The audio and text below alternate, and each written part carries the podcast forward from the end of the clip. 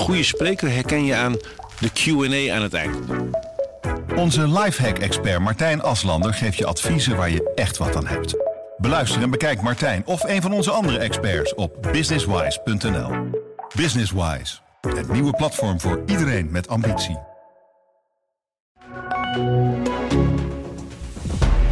Dit is de AD Nieuws Update met Jamie Trainte. Vandaag debatteert de Tweede Kamer voor het eerst over Afghanistan en de evacuatieoperatie vanuit Kabul. Nog steeds is onduidelijk hoeveel mensen in het land wachten op evacuatie naar Nederland. Hans van Soest is politiek verslaggever van deze krant. Er zijn uh, waarschijnlijk 22 tolken met hun gezinnen achtergebleven in Afghanistan. Dat blijkt uit een recente brief van de Tweede Kamer. Waarom konden zij niet mee? Ja, dat is nog niet helemaal duidelijk. Uh, daar zal de Kamer vandaag ook meer over willen weten. Met een deel van die tolken is namelijk ook geen contact meer. Uh, en het gaat niet alleen om tolken die zijn achtergebleven. Het zijn ook nog zo'n 70 andere mensen die voor Nederlandse uh, militairen, dan wel de ambassade, hebben gewerkt. die, die, die nog zijn achtergebleven. Waarvan het kabinet zegt: ja, die willen we echt nog terughalen. En daarnaast is er nog zo'n groep van zo'n 23.000 mensen. Althans, dat schatten we, dat weten we niet eens even zeker. Er zijn in ieder geval 23.000 mails gestuurd uh, naar een apart mailadres van de, uh, van de ambassade van mensen die zeggen: wij hebben ook nog, maken ook nog aanspraak om uh, naar Nederland te, te komen. En daarvan heeft het kabinet inmiddels gezegd: ja, sorry jongens, dat gaat gewoon echt niet meer lukken. We kunnen vanaf afstand niet meer controleren of al die mensen echt wel voor ons gewerkt hebben, of dat ze echt wel onder de regels vallen waarop ze gerepatrieerd kunnen worden. Dus daar moeten we andere oplossingen voor zoeken. Er moet dus vandaag een stuk meer duidelijkheid komen. Na het laatste debat hierover was de Kamer flink gefrustreerd. Wat zijn de pijnpunten? Nou ja, de pijnpunt blijft toch eigenlijk wel vooral dat, uh, als je alleen al kijkt naar de tolken, uh, dat de Tweede Kamer echt al maanden voor de val van Kabul steeds aandrong bij het kabinet. Die tolken moeten daar weg, die tolken lopen gevaarlijk. Kijk, iedereen voelde al lang aankomen dat de Taliban de boel zou overnemen in Afghanistan. Um, en de Tweede Kamer zei: ja, haal die tolken er weg, die lopen gevaar. Nou ja, het is dus niet het, het, was al duidelijk dat het, hè, we werden allemaal overvallen. Uh, we kregen die mensen uh, uh, bijna niet weg. Maar nu blijkt dat zelfs na die evacuatie niet iedereen is weggehaald. nou ja, dat, dat neemt de Kamer echt wel hoog op. Nou, er had dus eigenlijk veel eerder actie ondernomen moeten worden. Kan dit nou nog gevolgen hebben voor de demissionair ministers? Uh, dat vind ik eigenlijk lastig te voorspellen. Dat ligt er een beetje aan hoe dit debat loopt. Kijk, het, het kabinet staat op een standpunt. Luister, wij zijn echt begonnen, al voor de zomer, uh, met plannen opstellen. Uh, de eerste tolken zijn ook weggehaald voordat we de Taliban de boel overnam. We zijn gewoon overvallen. Um, uh, en niet alleen wij, dat geldt ook voor Amerikanen, dat geldt voor alle andere landen die in Afghanistan zaten. We dachten uh, begin augustus, nou, we, uh, we hebben nog wel even. Maar we hadden niet nog even. De Taliban stond ineens een paar dagen later al voor de poorten van Kabul. daar verschuilt het kabinet zich achter. Ehm, ja, en het, de Tweede Kamer vindt gewoon dat het kabinet echt beter zijn best moet doen om de mensen die zijn achtergebleven toch nog uh, naar Nederland te krijgen. En de Tweede Kamer is ook nog eens een keer verdeeld over wie van die 23.000 uh, um, eigenlijk ook nog naar Nederland zou moeten komen. Ja, vandaag dus weer een gesprek over Afghanistan. Maar de ogen in, het, uh, in de Kamer die zullen toch wel gericht zijn ook op Pieter Omtzigt. Want hij keert terug Zeker. naar een burn-out in, uh, in Den Haag. Ja, doet hij al meteen mee dan zo meteen met het Afghanistan-debat? Nou, hij heeft vanochtend meteen aangekondigd uh, dat hij meedoet. Dus uh, hij uh, zei dat hij rustig wilde beginnen. Maar hij begint meteen met een heel lang debat. Want het, het, begint om half twaalf en het einde staat voorzien voor diep in de avond. Um, dus ja, hij doet mee. Heeft ja. hij net aangekondigd. En dan ook meteen als eenmansfractie. Kan hij daar nog kan hij dan zijn, zijn stempel drukken, denk je, op dit debat? Nou ja, hij is de negentiende spreker. Ehm en zijn spreektijd is, is, is korter dan die van andere uh, partijen. Ja, ik, ik weet het niet. Dat moet, dat moet blijken, Jamie. hij heeft dezelfde informatie als de andere Kamerleden op basis waarvan hij vragen moet stellen. ik, ik, ik kan nog niet voorspellen. Ik heb nog niet gesproken of hij ineens dingen heeft gezien die andere Kamerleden niet hebben gezien. Nee. Hij heeft natuurlijk thuis gezeten de afgelopen maanden. En eventjes los nog van Afghanistan. Heeft zijn terugkeer, denk je, nog gevolgen voor de formatie? Nou ja, directe gevolg is natuurlijk dat het CDA, hè, een van de partijen waarvan we allemaal nog aannemen dat die in een kabinet willen, uh, vanaf nu een zetel minder heeft. Uh, ja, dat maakt het alweer. Kijk, we wisten al dat het lastiger werd om een meerderheids minderheidsregering te vormen. Het zal waarschijnlijk wel een minderheidsregering worden, althans, dat is wat Rutte en Hoekstra nu willen. Maar ja, ook die minderheidsregering heeft natuurlijk het liefst zoveel mogelijk kamerzetels achter zich. Nou ja, dat is er vanaf vandaag alweer eentje minder. Dankjewel Hans van Soest voor je toelichting. De onderlinge verhoudingen in het Marengo-proces tussen het OM, de rechtbank en de verdediging zijn gisteren naar een dieptepunt gedaald. De advocaat van hoofdverdachte Ridwan Taghi, Ines Whisky, besloot aan het einde van de dag de rechtbank te wraken. Misdaadverslaggever Jelle Tiedeman, kan je kort uitleggen wat het wraken van de rechtbank inhoudt? Ja, dat betekent dat de, eh, de advocaat vindt dat de rechters vooringenomen zijn, dat zij geen goede beslissingen meer kunnen nemen. Uh, en dat zij dus vervangen zouden moeten worden door nieuwe rechters. Nou, daar gaat de wrakingskamer gaat daar dan naar kijken. Dat zijn drie andere rechters. Die gaan de situatie beoordelen. Die gaan vragen stellen. En die moeten dan beslissen of deze rechters kunnen aanblijven of dat ze vervangen moeten worden. Ja, en die wraking die had te maken met de appjes die naar buiten zijn gekomen van kroongetuige Nabil B. Hoe zit dat precies? Ja, dat klopt. Uh, uh, zoals bekend, Nabil B. had een iPhone, een geheime iPhone. Daar heeft hij tienduizenden appjes mee verstuurd. En Ines Wesky stond eigenlijk op het punt om een presentatie te gaan geven... om een aantal van die appjes voor te gaan dragen. Nu moet je je voorstellen, die appjes zijn niet toegevoegd aan het Marengo-dossier. Die zijn ter inzage geboden. Uh, en zij wil door middel van die presentatie wil ze uh, allerlei onderzoekswensen uh, voor, het, voor het voetlicht brengen. Nou, en daarvoor zei de rechtbank, ja, dat gaan we niet doen op deze manier. als je dat wil, dan gaan we dat achter gesloten deuren doen vanwege de privacy en veiligheid. Of u gaat het OM vragen om uh, een aantal van die berichten alsnog toe te laten voegen aan het dossier. En daarvan zei Wesky, nou dat gaan we dus absoluut niet doen. Ik heb alle vrijheid om dat op deze manier te doen. In eerdere gevallen heeft het OM ook altijd die vrijheid gehad. Uh, en op deze manier ja, wordt het werken onmogelijk gemaakt.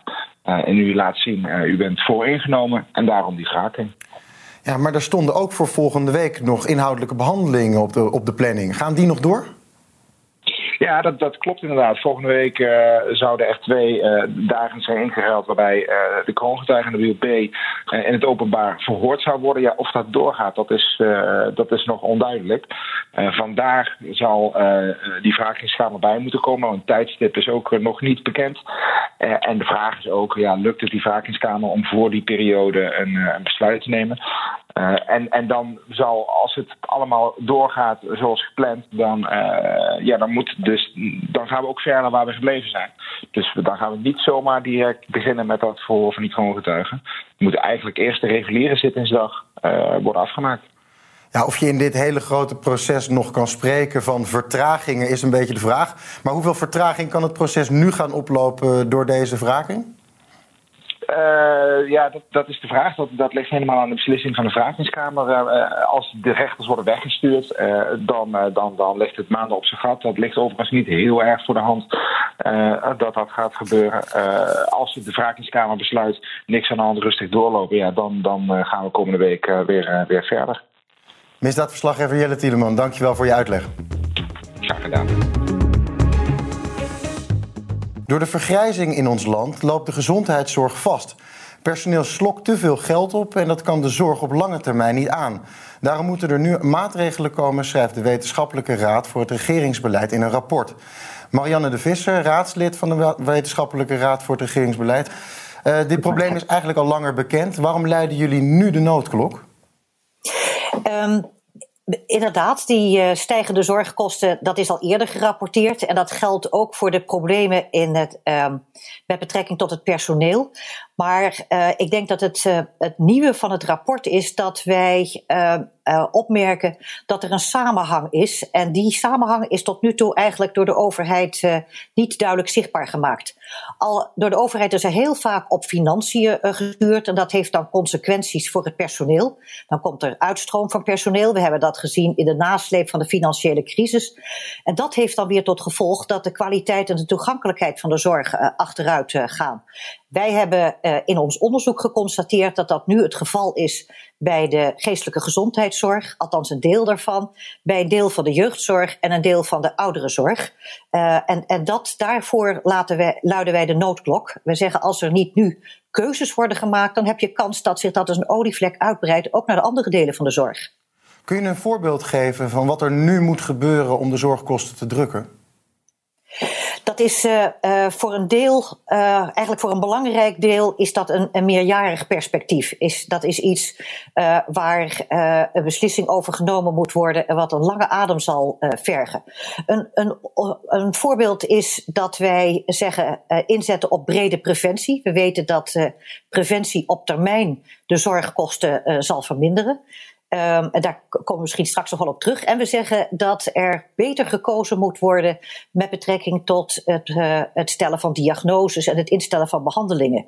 Daar, uh, daar zal meer een wetenschappelijke basis voor uh, moeten zijn. Wij, wij, merken nu nog, en daar kan ik misschien een voorbeeld van geven, dat er te veel onderzoek wordt gedaan waar die wetenschappelijke basis mist. Als je bijvoorbeeld kijkt naar een ontzettend veel voorkomende klacht in de Nederlandse samenleving, rugpijn, dan wordt daar heel vaak uh, een MRI voor gemaakt. Terwijl we op wetenschappelijke gronden weten dat zo'n MRI eigenlijk niets toevoegt, niet ervoor zorgt dat er een andere behandeling wordt ingesteld. Toch is het probleem nu, en is het een probleem wat er ook al langer is. Maar u zegt tegelijkertijd, ja, het is een, een lange termijn plan en we hebben langere adem nodig. Wat kan er nu gebeuren om het op kortere termijn te verbeteren? Nou, wat wij wel zeggen is dat, uh, wat ik al eerder opmerkte, dat die kort, tekortschietende kwaliteit en toegankelijkheid in verschillende sectoren, hè, ik noemde de jeugdzorg, de GGZ en delen van de ouderenzorg, daarvan vinden wij dat in een uh, welvarend land als Nederland dat niet mag, moet, mag voortbestaan en dat daar eigenlijk onmiddellijk actie op moet worden ondernomen. En wij zeggen ook, uh, gezien het feit dat personeelstekort zo'n probleem is, dat er ook actie moet worden ondernomen met betrekking tot dat personeel. Het is heel erg duidelijk dat uh, die eh, betere randvoorwaarden willen, dat die uh, erkend en gewaardeerd willen worden, dat ze zich verder willen ontwikkelen, dat ze meer autonomie willen. Daar zijn al heel veel rapporten over verschenen en wij vinden dat daar eigenlijk op korte termijn ja. moet worden geacteerd. En dan zou er ook nog een tax op suiker en alcohol zijn. Hoe denken jullie dat dit ontvangen gaat worden? Nou, misschien moet ik even iets meer toelichting geven. Wij, uh, wij bepleiten een brede preventie, omdat we weten dat, uh, uh, voor, dat ook, dat ook een, een goede baan, uh, goed, goed onderwijs, wonen in een goed huis, dat dat allemaal bijdraagt aan het bevorderen van de gezondheid. Mm -hmm. en wij zeggen, ehm, bij roken hebben we gezien hoezeer wettelijke maatregelen werken, helpen. Het aantal rokers is de afgelopen twintig jaar enorm naar beneden uh, bijgesteld. We zijn er natuurlijk nog niet met roken, maar de leeftijdsgrens, uh, de beprijzing en dergelijke heeft enorm gewerkt. En daarom zeggen wij, denk dan ook na over bijvoorbeeld een suikertax, maar ook de vermindering van het aantal verkooppunten uh, van alcohol, het, het, het, het, aan, het zoutreductie in voeding. Dat zijn allemaal ehm, maatregelen die je zou kunnen instellen. We, pleiten het niet zonder meer. Dat is natuurlijk aan de overheid. En die heel fors kunnen bijdragen aan de bevordering van de gezondheid. En weinig kosten. Dus heel uh, effectief zijn, kosteneffectief zijn. Marianne de Visser, dankjewel voor je toelichting.